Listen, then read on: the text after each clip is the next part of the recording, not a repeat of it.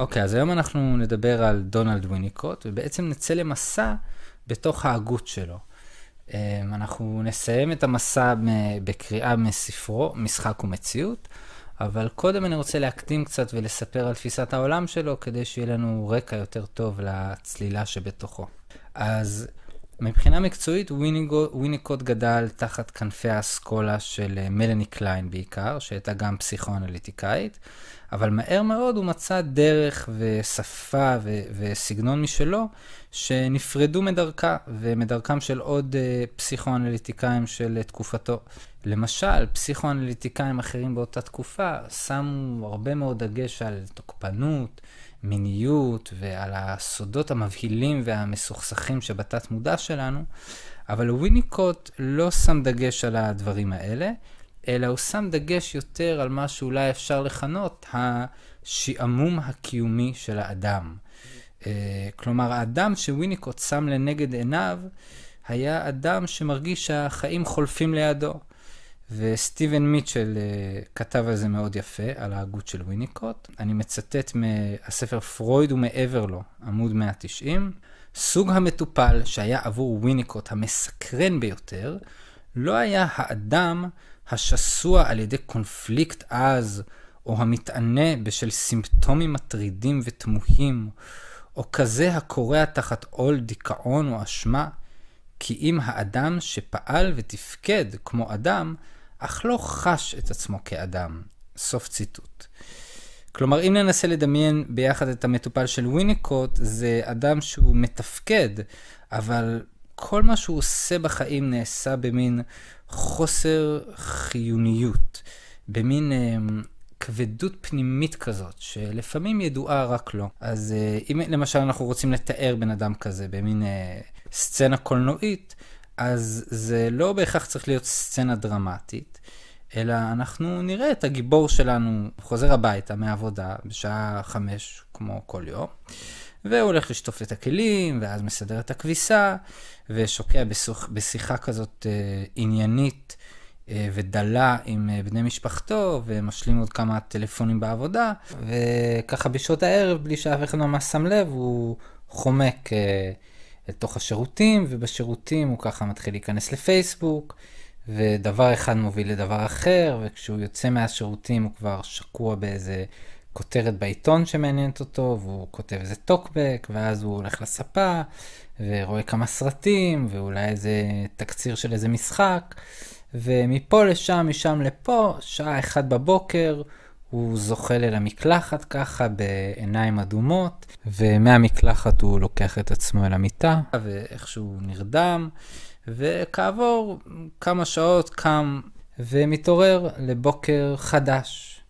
אה, חדש לכאורה, כי באמת בתחושה שלו זה בוקר כמו כל שאר הבקרים.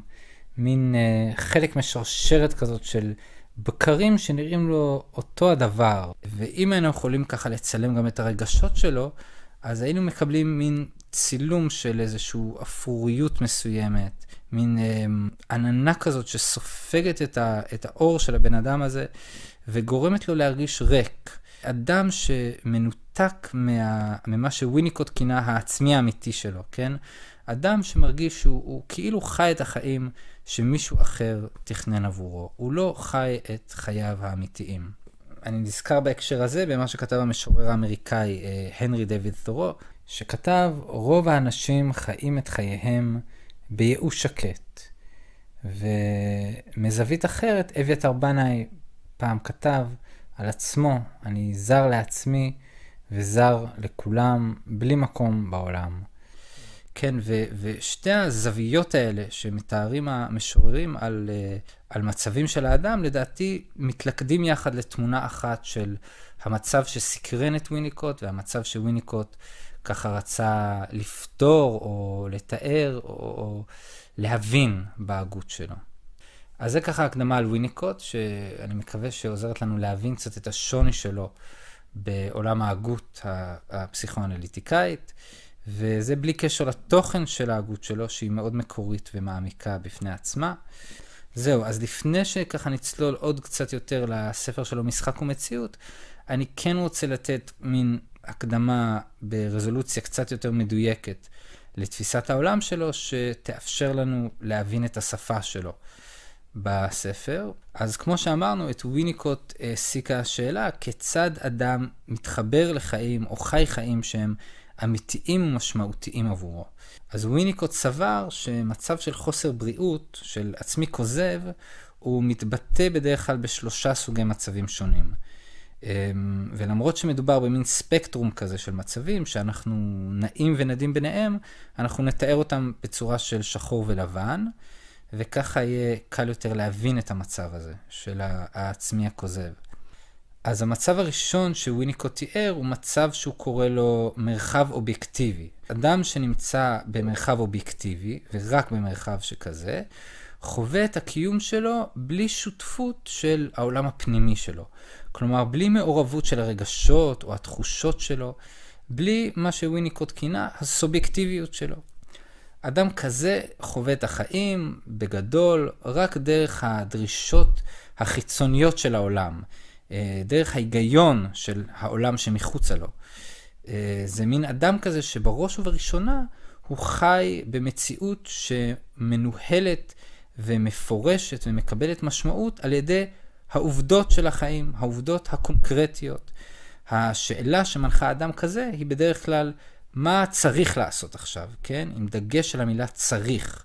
הוא לא שואל את עצמו מה אני רוצה לעשות, או מה נכון לי לעשות, כי המילים אה, רוצה ומה נכון לי, הן שייכות לתחום יותר של העולם הפנימי שלו. אבל המיקוד של בן אדם במצב כזה הוא במה שמחוצה לו דווקא, כן? איך הוא נענה לדרישות של העולם שמחוץ לו. ואדם שהתרגל לחיות כל חייו במרחב אובייקטיבי, יכול אפילו במצב קיצוני להכחיש שיש לו רגשות. זאת אומרת, מה שהוא לא רואה, לא קיים מבחינתו. מה שהוא לא יכול למדוד, לא רלוונטי. אפילו נניח כשיש לו עולם ערכי ואידיאלים, אה, הערכים והאידיאלים האלה תמיד מנוסחים בשפה אובייקטיבית. אה, אדם צריך לתרום לחברה. כן? המילה צריך, שוב, היא מילת היסוד שלו. העולם במרחב שכזה מתנהל על פי חוקים של אה, אמת מוחלטת ואובייקטיביות. עכשיו, ההסבר של וויניקוט לתופעה הזאת של המצב האובייקטיבי מצוי בגיל הינקות, כן? וויניקוט טוען שכשלתינוק אין סביבה שמכילה את הצרכים שלו, את הרצונות שלו, את הבקשות שלו, הוא לאט לאט לומד לוותר על העולם הפנימי שלו, ולהסתגל טרם עת לדרישות של העולם החיצוני. אה, לאימא במקרה הזה ולרצונות שלה, וככה הוא לומד לוותר על העולם הפנימי שלו ולחיות בעולם אובייקטיבי, אה, נטול שותפות עם העולם הסובייקטיבי שלו. מצב שני שוויניקוט אה, תיאר, נובע בדיוק מאותה סיבה. התינוק או הילד נמצא בסביבה לא בטוחה עבורו, והוא מתייאש מהיכולת לבטא את העולם הפנימי והרצונות שלו, אבל בניגוד למצב הראשון, האובייקטיבי, שבו האדם מוותר על העולם הפנימי שלו, אה, במצב השני, האדם הולך דווקא לכיוון ההפוך, לכיוון הסובייקטיביות, ואז הוא עושה אחד משני דברים. או שהאדם מוותר לגמרי על העולם האובייקטיבי, ומבחינתו אין מציאות חיצונית, יש רק עולם פנימי ובמצב הזה זה מצב מאוד קיצוני ומצב פסיכופתולוגי, למשל של סכיזואידיות או של סכיזופרניה. כלומר, מצבים שבהם אדם חושב שההזיות שלו, הקולות בראש שלו, החלומות בהקיץ שלו, הם המציאות עצמה. ואז הוא חושב שיש לו כנפיים, אז הוא קופץ מהגג ומנסה לעוף. ואם הוא שומע קול בראש שלו שאומר לו שעוקבים אחריו, אז הוא מתחיל לברוח מהמנקה בסופר. כן, זה מצב שבו אדם אין לו יכולת לספוג חומרים של מציאות אובייקטיבית לתוכו. הוא ממש דוחה אותם החוצה, ולפעמים בשאט נפש אפילו, במין אה, מרדנות כפייתית. אז זה אפשרות אחת, והיא נדירה יחסית. אבל המצב היותר נפוץ הוא מצב שבו אדם לא מוותר לגמרי על העולם האובייקטיבי, אבל הוא שם חומה בין העולם האובייקטיבי לבין העולם הפנימי שלו. כלומר, זה אדם שאם למשל נפגוש אותו במקום העבודה, אה, רק כקולגות שלו לעבודה, אנחנו בחיים לא נדע איזה דמיון מפותח יש לבן אדם הזה. לעולם לא נדע שהבן אדם הזה יש לו עולם מאוד עשיר של מחשבות ורגשות. למה? כי כשהוא מגיע לעבודה הוא מכבה את העולם הפנימי שלו, וכשהוא חוזר הביתה העולם הזה פתאום מקבל את הביטוי הראוי. אבל בגלל שהעולם הפנימי שלו מקבל את הביטוי הראוי, במנותק מחיי המעשה שלו, הם מקבלים צורה מאוד מאוד מופנמת, ולא באמת מסוגלים לפרוח בצורה מלאה ובצורה ממשית.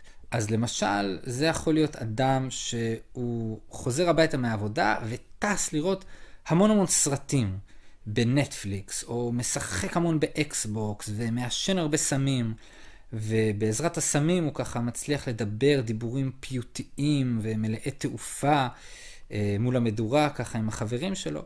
ובבוקר הוא קם שוב לעבודה שלו, שמדכאת אותו, ו... וככה מתמסר לעולם האובייקטיבי, בלי שיש לעולם הסובייקטיבי שלו איזושהי אפשרות להתבטא, איזשהו גשר לעולם. ואפשר להגיד שבבוקר הבן אדם הזה שוכח מחלומותיו, וככה דופק פטיש במסמר עד שהוא חוזר הביתה, ונסוג שוב לעולמו הסובייקטיבי, ושם הוא נדלק במין בערה כזאת, קצרת מועד, עד שהוא נחבא שוב אה, במהרה.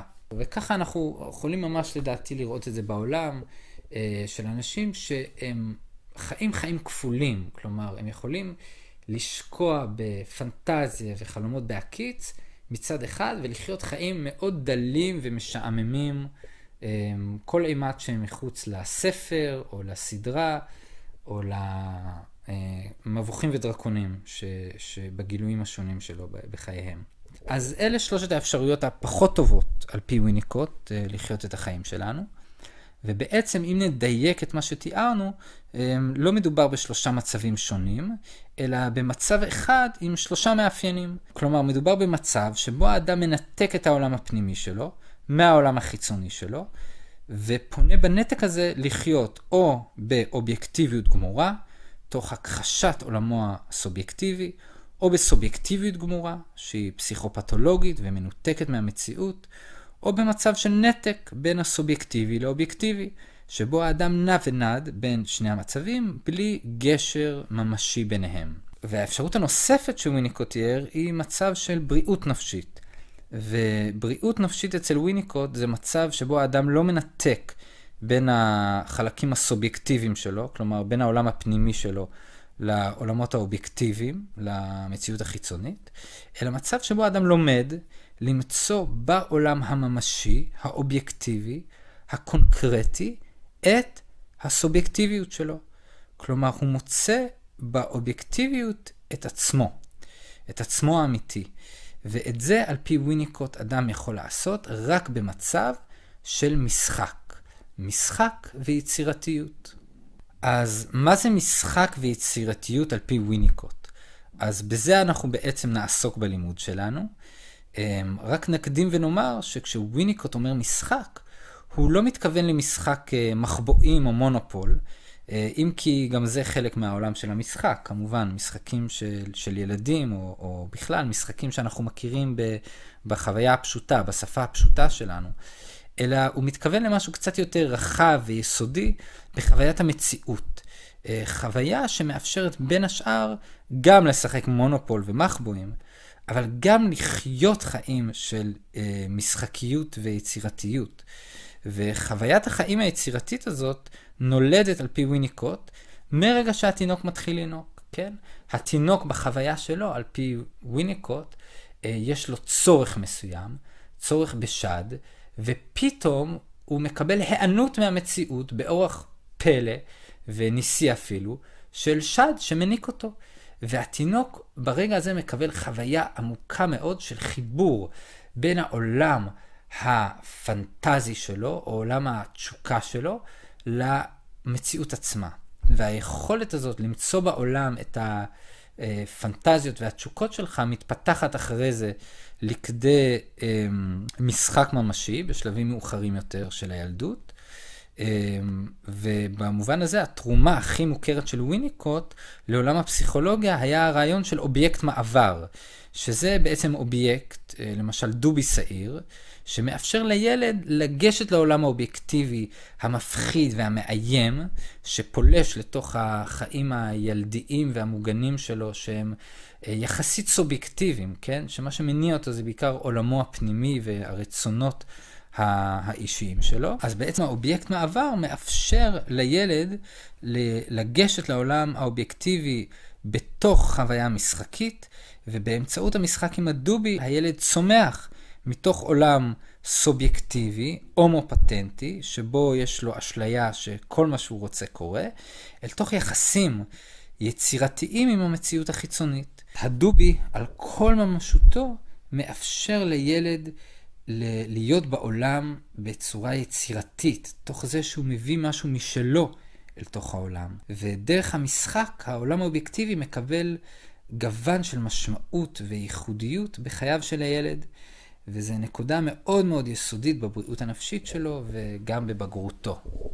אז ככה, לפני שנצלול לוויניקוט, אני ככה רוצה לספר סיפור מהחיים. אמ, וככה, הסיפור הזה לדעתי יוכל להבהיר לנו את החשיבות של חיים משחקיים בתוך העולם, ומה קורה כשאנחנו מאבדים את זה. והייתי רוצה לסיים את ההקדמה הזאת בלצטט מתוך יומן שכתבה כנרת בן, וכנרת בן הייתה בת של מבקר ספרות בשם מנחם בן, מבקר ספרות מאוד שנון ומוכר בארץ, שנפטר לפני כמה שנים, אה, ואני ככה מנחש בעדינות שהיה לשברון הלב על ביתו חלק ב... בהיפרדות המוקדמת שלו מה, מהחיים, כיוון שביתו, אה, עליה השלום, שהייתה אישה מאוד מוכשרת ויצירתית, והיא איבדה את נפשה, מה שנקרא, כן? היא, היא, היא התאבדה, והמשפחה שלה פרסמה אחרי מותה בטרם עת את היומנים שלה. לספר קוראים אה, הוי כנרת שלנו. בספר שאתה קורא אפשר לפגוש את כנרת.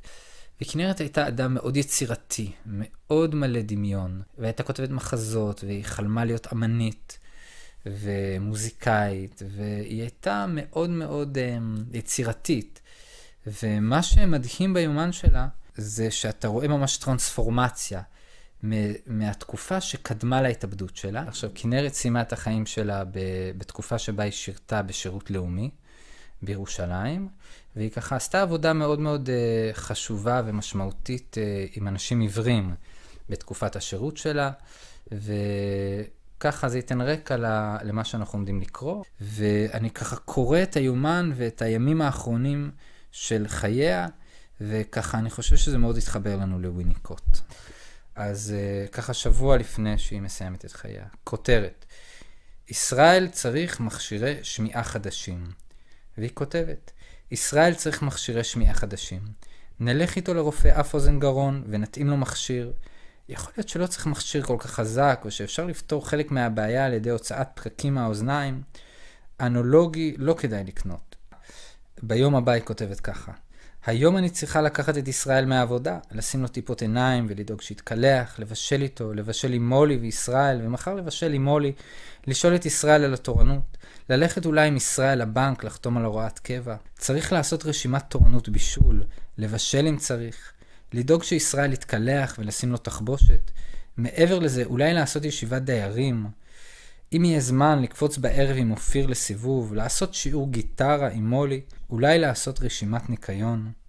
וממשיכה, אה, כותרת הבאה היא ב-24 לעשירי, הכותרת זה יום הולדתי, ומתחת היא כותבת, ביום הולדתה.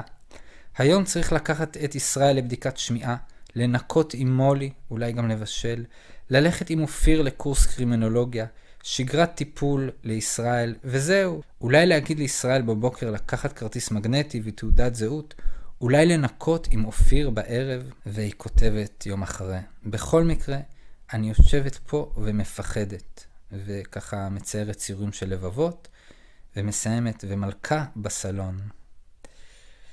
וב-28 לעשירי, להתקשר לישראל, לבדוק שהוא מגיע, אולי היום, אולי מחר, שיעור גיטרה למולי, להציע לעשות ישיבת דיירים. ויום אחרי זה, 29 לעשירי, כותבת רק שורה אחת, לקנות מתנה לאיציק. וב-30 לעשירי, ללכת עם מולי לחנות האורתופדיה, בשעה אחת וחצי תור לישראל במשכן הראייה. וב-31 לעשירי, שזה הדבר האחרון שהיא כותבת, והיא גם מחקה את זה, לעשות עם ישראל ומולי את ההצגה ג'ינג'י. ואני ככה, הקטע הזה הדהים אותי, אה, ואני חושב שבאותה תקופה קראתי את וויניקוט, והסיבה שזה הדהים אותי, זה כי ראיתי בדיוק את המצב שוויניקוט מתאר, אה, מצב שבו אדם חי בעולם קונקרטי מאוד. כלומר, הוא חי עכשיו בעולם של צריך.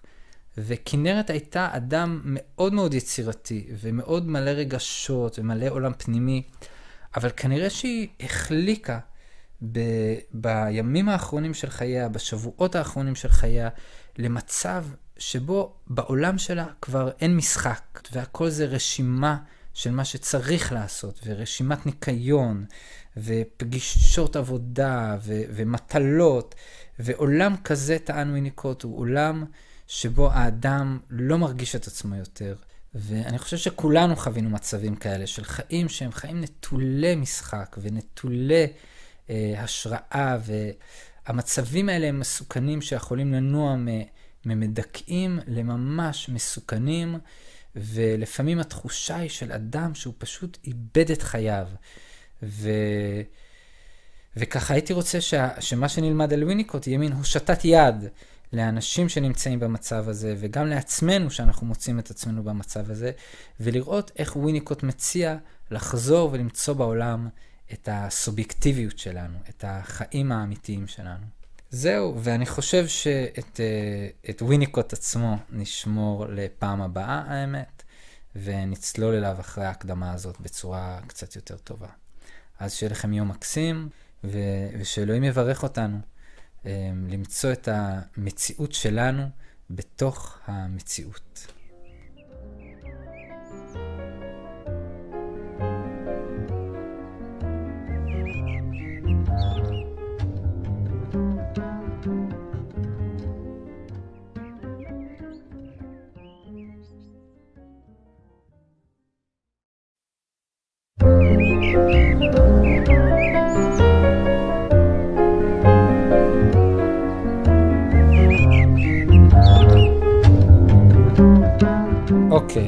הפרק הזה הוא המשך של הפרק הקודם, שבעצם עסקנו בהגות של וויניקוט, ואני מאוד ממליץ למי שלא שמע את הפרק הקודם לעשות את זה עכשיו, זה מאוד יקל עליו להבין את מה שאנחנו עוסקים בו.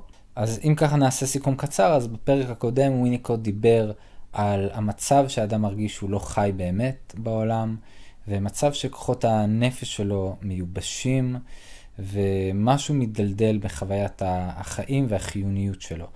והוא כינה את המצב הזה עצמי כוזב, ובפרק הזה אני אנסה לתאר את הפתרון שהוא הציע למצב הזה.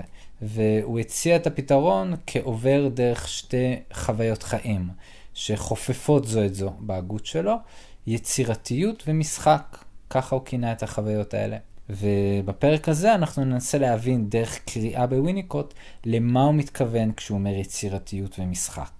אז אני קורא מתוך משחק ומציאות, עמוד 89.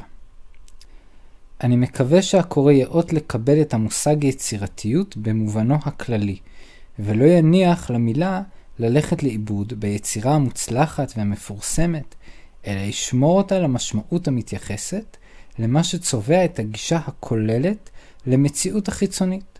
כלומר, וויניקוט אומר כאן שיצירתיות לא רק שייכת לתחום של היצירה המפורסמת, או האמן המפורסם, אלא יצירתיות זה מה שצובע את הגישה שלנו למציאות. ואז הוא ממשיך ומסביר את דבריו בצורה עוד יותר רדיקלית. והוא כותב ככה בעמוד 91: יש הכרח להפריד, כפי שכבר ציינתי, את רעיון היצירה מעבודות אומנות.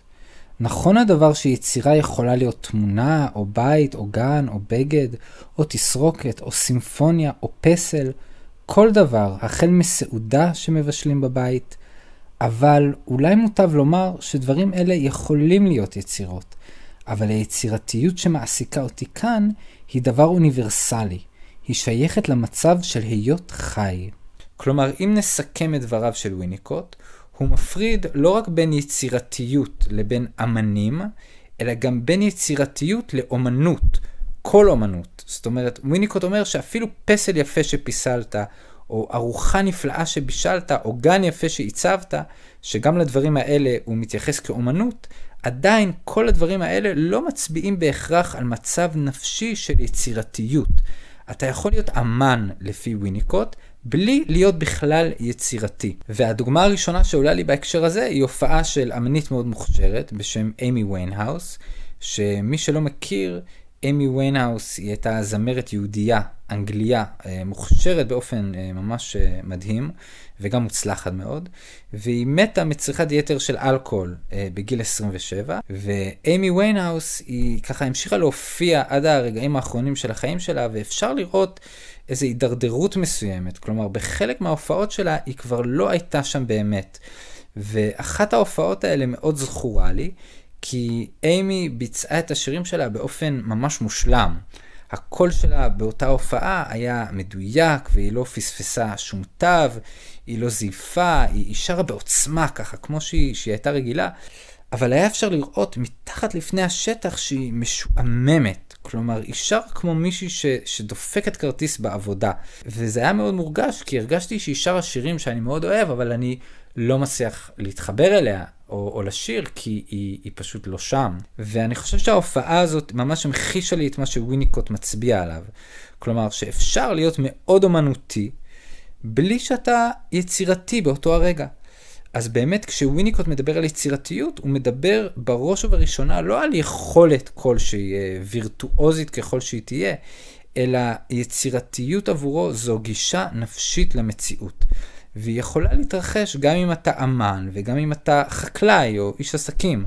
היצירה האומנותית עצמה יכולה להיות ביטוי של יצירתיות, אבל לא בהכרח. אז מה זה מצב נפשי של יצירתיות? אמ, אז וויניקוט אה, יתאר זאת, ואני קורא אותו עמוד 92.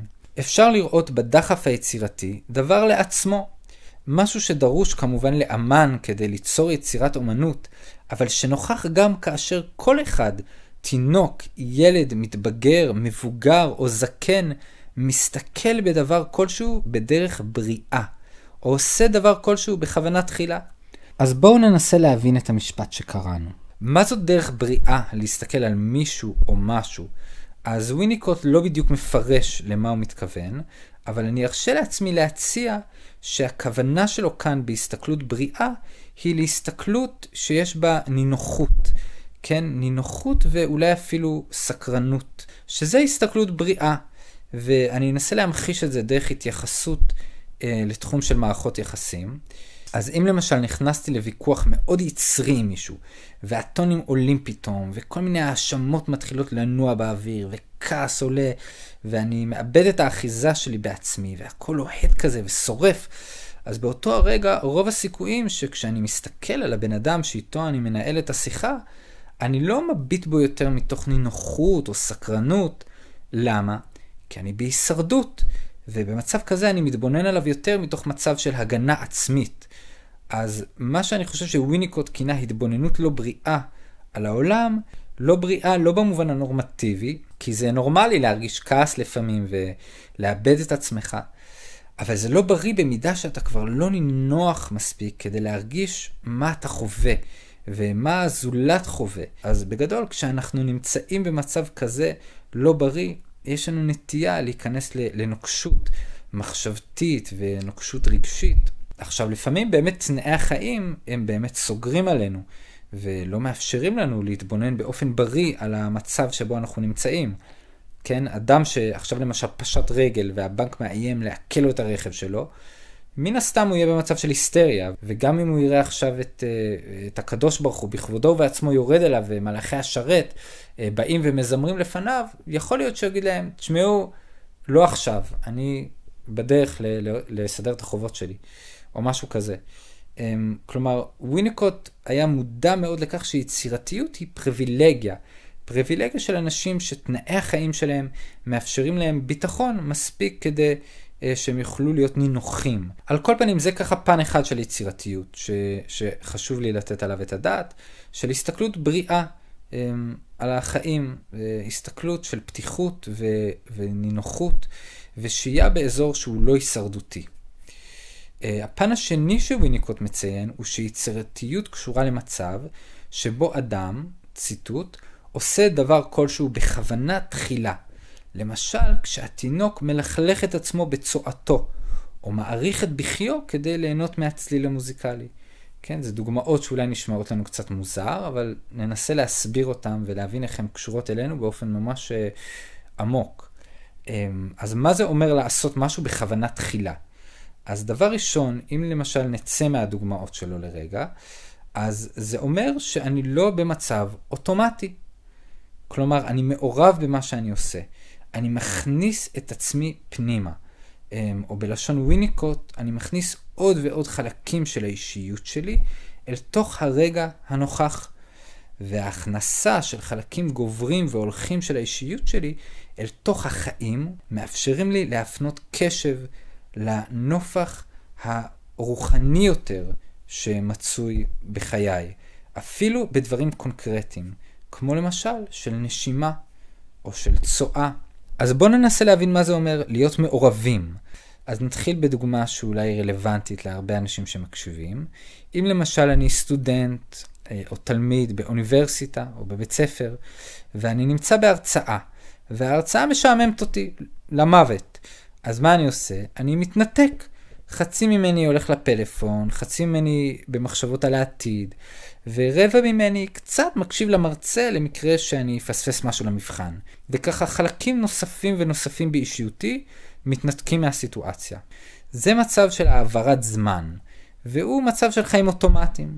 אה, במובן הזה שאין לי קשב למה שאני עושה. זאת אומרת, זה מצב שאני בעיקר מנסה להתעלם ממה שקורה לי, יותר מאשר להתחבר אל מה שקורה לי. עכשיו, אם אני פתאום מחליט להיות מעורב בסיטואציה, ולהכניס את כל כולי לתוכה, אז אני אצטרך כנראה להתעמת עם השעמום שלי, וזה בדרך כלל מוביל לכמה אפשרויות. או שאני מתחיל להגיב למה שאני שומע מהמרצה, אה, מתחיל לשאול שאלות, מביע דעה מנוגדת, מסביר למה אני לא מתחבר למה שהוא אומר, כן, נהיה מעורב, או שאני קם מההרצאה והולך למשהו אחר שכן מעניין אותי. עכשיו, האפשרות האחרונה היא כמובן אפשרות שהיא לא ריאלית תמיד להרבה מאוד אנשים. אה, אם אתה למשל תלמיד בכיתה ח' בעירוני ד', אה, יכול להיות שאתה בבעיה, שאתה לא באמת יכול ללכת לשום מקום. וגם אם אתה למשל סטודנט לרפואה, שנה ד', ויש איזה קורס ספציפי שאתה חייב לעשות ואתה לא סובל אותו, קשה לי לראות איך אתה יכול לצאת משם בלי להחריב את הקריירה שלך. אז לפעמים אנחנו באמת תקועים בחיים, ואז כדאי למזער את הנזק ולמצוא דברים יצירתיים לעשות ככל הניתן בתוך הסיטואציה, במקרה הזה בתוך השיעור. אה, אבל על כל פנים, בהנחה שברוב החיים שלנו כן יש לנו אפשרויות בחירה, אנחנו יכולים לראות שמרגע שאני מתעמת עם השעמום שלי, נוצרת איזו תסיסה בי. והתסיסה הזאת מפעילה אותי. וזה פן נוסף של היצירתיות, כן? זה מצב שאני פועל כשהאישיות שלי נמצאת שם. עכשיו, זו דוגמה פשוטה, אבל המצב עצמו, שאני מתעמת עם השעמום שלי ומתחבר אל תוך החיים, זה מצב שהוא מתרחש בכל רגע ורגע בחיים שלנו, וזה יכול לקבל צורות מורכבות יותר. למשל, הרבה פעמים אני מכבה את המעורבות שלי בחיים בזה שאני נכנס אל תוך תפקיד. זה אומר שאני שם על עצמי כובע מסוים, שאני עכשיו בתפקיד של מטפל, או אני עכשיו בתפקיד של מחנך. כן, זה כל מיני כובעים שאנשים שמים על עצמם. עכשיו, לפעמים אנחנו צריכים להיות בתפקיד, כן? כי זה חלק מהחיים, אבל הרבה פעמים אנחנו נכנסים אל תוך תפקיד בלי שבאמת צריך, אלא כי זה נוח לנו, כי זה מאפשר לנו אה, לצפות את העתיד ולא להיות אה, באינטימיות או בפגיעות עם מישהו. למשל, נניח שאני התאהבתי בתפקיד של המחנך, וזה האוטומט שלי, ואני לוקח את זה עכשיו לכל מקום בחיים. גם למשפחה שלי, וגם לחדר המיטות שלי, וגם להורות שלי, וגם לחברות שלי. אה, ועכשיו בא אליי, למשל, הילד שלי, בן השמונה, ומספר לי בהתרגשות שהוא מצא שטר של 20 שקל על השביל. והוא כולו זורח כזה, והוא אומר לי, וואו, אבא, מצאתי 20 שקל, מה, מה לעשות עם זה? והאמת, ככה, באותו הרגע, מה שבא לי להגיד לו זה ככה, וואי, איזה יופי, איזה כיף חיה, הלאה, אתה עשיר, ולטפוח לו על הגב ככה בשמחה. אבל בגלל שאני מאוהב בתפקיד המתווך שבי והמחנך שבי, אני לא מרשה לעצמי להתבטא ככה בחופשיות.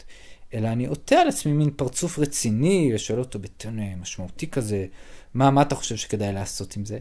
אני ככה מעודד אותו למצוא את הדרך שלו, כן? זה התפקיד שלי. כן? וזה לא שאני מנסה לפסול את החשיבה החינוכית, או את ההדרכה החינוכית, או את התפקיד החינוכי, שבטח אה, יש מקום לזה בעולם, ובטח בהורות, אבל אני מדבר על מצב שבאותו הרגע אני מכבה בעצמי חלקים שאין צורך לכבות, והכיבוי העצמי הזה גם לא מאפשר לי הרבה פעמים תקשורת עם מי שסביבי. כן? הוא לא מאפשר לי תקשורת מתוך כל האישיות שלי, שהיא מאוד עשירה, והיא כוללת גם חלקים לא חינוכיים, גם צדדים אה, הדוניסטיים ומתענגים וזרוקים. אז תפקיד המחנך הוא תפקיד קלאסי כזה, שקל לזהות אותו וגם קל להתאהב בו, ויש אנשים שלוקחים את התפקיד הזה, או את כל התפקידים שלהם אה, מאוד ברצינות, ולוקחים אותם לכל מקום. אמ, ועד למצב שהם מכבים כל כך הרבה חלקים מהאישיות שלהם באמצעות כובעים שהם שמים על עצמם, שהם כבר מאבדים קשר עם עצמם. עכשיו, לתפקידים יש כמובן אה, תפקיד פסיכולוגי, כן? הם מאפשרים לנו להיות מושלמים. כי אם למשל אני במצב זוגי אינטימי ונפגעתי, אז במקום להגיד לבת הזוג שלי, נפגעתי, וואי, כואב לי, וככה להסתכן במצב מאוד uh, רגיש מולה, אני מתחיל אה, לתת לה הסברים מלומדים על הכשלים הרגשיים שלה. ואני ככה באמצעות היותי מחנך או מטפל או לא יודע מה, משאיר את עצמי מחוץ לסיטואציה. וזה כמובן דבר שכולנו נפלנו בו בחיים ו- ואפשר ללמוד ממנו, ואנחנו עושים את זה בעיקר כשאנחנו בהישרדות. ואיש איש ותפקידו. והמחיר הוא כמובן שאנחנו מייבשים את החיים שבחיים שלנו. אז בואו ננסה להבין עוד כמה רבדים במושג היצירתיות של דונלד ויניקוט, ואני ממשיך לקרוא את הפסקה שבה עצרנו. המצב היצירתי נוכח בחיי הרגע של ילד עם פיגור, הנהנה מנשימה, לא פחות משהוא קיים בהשראתו של אדריכל, היודע פתאום מהו הדבר שהוא מבקש לבנות, וחושב על החומרים אשר יוכלו לשמשו בפועל, כדי שהדחף היצירתי שלו ילבש דמות וצורה. והעולם יהיה לו עד. אז וויניקוט מתאר כאן תהליך מאוד דק ועדין בחוויית החיים שלנו, כן? אה, הנשימה למשל היא דבר מאוד קונקרטי, כלומר מכניסים חמצן אל תוך הגוף. אבל היכולת ליהנות מהנשימה, שוויניקוט מתאר אותה כאן, היא כבר אירוע שמתרחש בתחום הרוחני, כן? בתחום המשחק. זאת אומרת, מעבר לנשימה הקונקרטית שהיא תפקוד חיים בסיסי, יש כבר אצל התינוק או הילד היכולת להרגיש שדרכו, דרך הנשימה, או המשחק עם הצואה, שזו הייתה הדוגמה הראשונה של וויניקוט, מתאפשר לו מגע עם מה שמעבר לסתם של התפקוד הפיזי הקונקרטי שלו. ובעצם היצירתיות, על פי וויניקוט, היא מצב נפשי של קשב. קשב להשראה העלומה שפוגשת אותנו דרך החיים. הקשב היצירתי בעצם מאפשר לכל אחד מאיתנו למצוא בעולם את מה שמושך אותו, באופן ייחודי. ואז כולנו, בלשון ויניקוט, הופכים להיות אדריכלים של החיים שלנו. אדריכלים ש- שמצליחים למצוא את חומרי הגלם שלהם, חומרי הגלם הייחודיים שעבורם מהווים השראה, בתוך העולם. אז איך מפתחים קשב למקום הזה בתוכנו?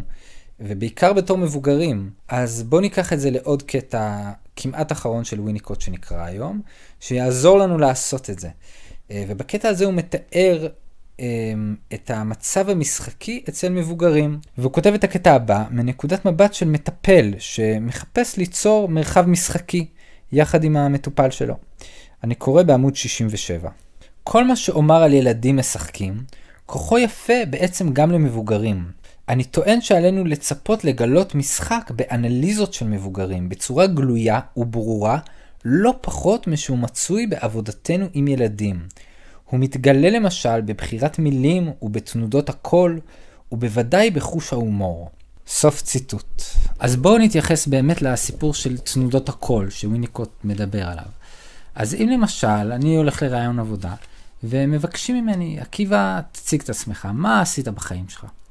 ואני מתחיל לדבר על דברים שאני חושב שהם חשובים בראיון, אבל הם לא באמת מעניינים אותי, אבל אני חושב שהם חשובים ברעיון. אז אני ככה אומר, אה, אני עקיבא, אני למדתי באוניברסיטה תואר ראשון בפסיכולוגיה, ואז עשיתי תואר שני בייעוץ חינוכי, ולמדתי באוניברסיטת ירושלים ובאוניברסיטת תל אביב, ובעצם התמחיתי, ב... זאת אומרת, אני מדבר, ותוך כדי שאני מדבר, אני מרגיש שהקול שלי קפוא. אני מרגיש איזושהי נוקשות, ואני כבר מזהה שאני לא מעניין את עצמי. ומרגע שאני לא מעניין את עצמי, זה מתחיל להדליק לי נורה אדומה. ואני אומר, וואלה, אולי אני יכול למצוא את הצד הסקרני שלי לגבי עצמי. ואני מתחיל לשאול את עצמי, מה מסקרן אותי? במה אני מאמין? ושנייה אני ככה מתנקה ממה אני אמור להגיד, ונותן לסקרנות שלי להוביל אותי בדיבור. ואז פתאום אני מתאר את עצמי ככה. אה, שמי עקיבא, ואני רוב חיי עבדתי בחינוך בלתי פורמלי, והסיבה שעבדתי בחינוך בלתי פורמלי, זה כי מאוד התעניינתי בצדדים של האנשים, שהיה לי מאוד קשה לגלות בחינוך פורמלי. כלומר, אני מתעניין בעולם הרגשי של אנשים, אני מתעניין במה מסקרן אותם, ואני רוצה לפגוש אותם לגמרי. אז אוקיי, אז אני מתחיל לדבר, ופתאום אני שם לב שיש יותר חיים בקול שלי. יש איזה יותר משהו חמים ועשיר באופן שאני מתאר את עצמי, ואז פתאום גם אנשים מקשיבים לי יותר בצורה עמוקה. ואנשים מצליחים לפגוש אותי, ואני מצליח לפגוש את עצמי. אז זה מצב של מבוגר שנמצא במצב רוח משחקי, כן? הוא מאפשר לחלקים היצירתיים שלו, הלא מוכנים, הלא מוכתבים, לבוא לידי ביטוי באותו הרגע. אז משחקיות אצל מבוגרים מתבטאת לא במשחקי קופסה, אלא מתבטאת בכמה הם מאפשרים לעצמם להיות מעורבים עם האישיות שלהם בתוך החיים שלהם. שהרבה פעמים, בהמון מצבים בחיים, אנחנו מכבים את עצמנו, כן? את, ה, את החלקים הסקרנים שלנו ואת התשוקות שלנו, מתוך פחד. פחד שלא יקבלו אותנו, שלא יבינו אותנו, שלא יאהבו אותנו, ודווקא אני רוצה להגיד שדווקא זה מה שמאפשר לנו, על פי וויניקוט, להיות בתקשורת עם העולם ולהיות ביחסי אהבה עם העולם, כי העולם רוצה לפגוש אותנו. וגם אנחנו רוצים לפגוש אותנו, כן? אנחנו רוצים לפגוש, והעולם רוצה לפגוש את החלקים החיים שבנו, ולא את החלקים המשועממים שבנו. אמ, והאמת היא, עכשיו שאני מסיים להקליט את זה, אני מוסיף שאפשר גם להגיד ההפך. זאת אומרת, הרבה פעמים אנשים לא יקבלו אותנו. כי הרבה פעמים אנשים יעדיפו שנהיה משעממים דווקא. כי זה גם מאפשר להם להיות במצב של שעמום, כן? המרצה באוניברסיטה, נוח לו שאנחנו משועממים. כי אז גם הוא יוכל להמשיך ולתפקד בעבודה שמשעממת גם אותו. ואז כולם מרוצים במרכאות, כי הוא מקבל משכורת על משהו שמשעמם אותו, ואנחנו מקבלים תואר על זה שהקשבנו לדברים שמשעממים אותנו, וכולם מתפקדים, אבל אף אחד לא, לא כאן. וזה המצב שוויניקוט לדעתי מאוד רצה לפתור, ואני ככה מאחל לנו שנזכה למצוא את האש הסמויה שלנו, ולהשתחרר מה, מהכלא הזה של, ה, של, ה, של האמונה הסמויה בתוכנו שאין חיים בעולם. כי, כי, כי יש חיים, ורק נושיט את היד מתוך הסקרנות שלנו ו... ונמצא אותם. אה, זהו, בעזרת השם, שנזכה לחיות. thank you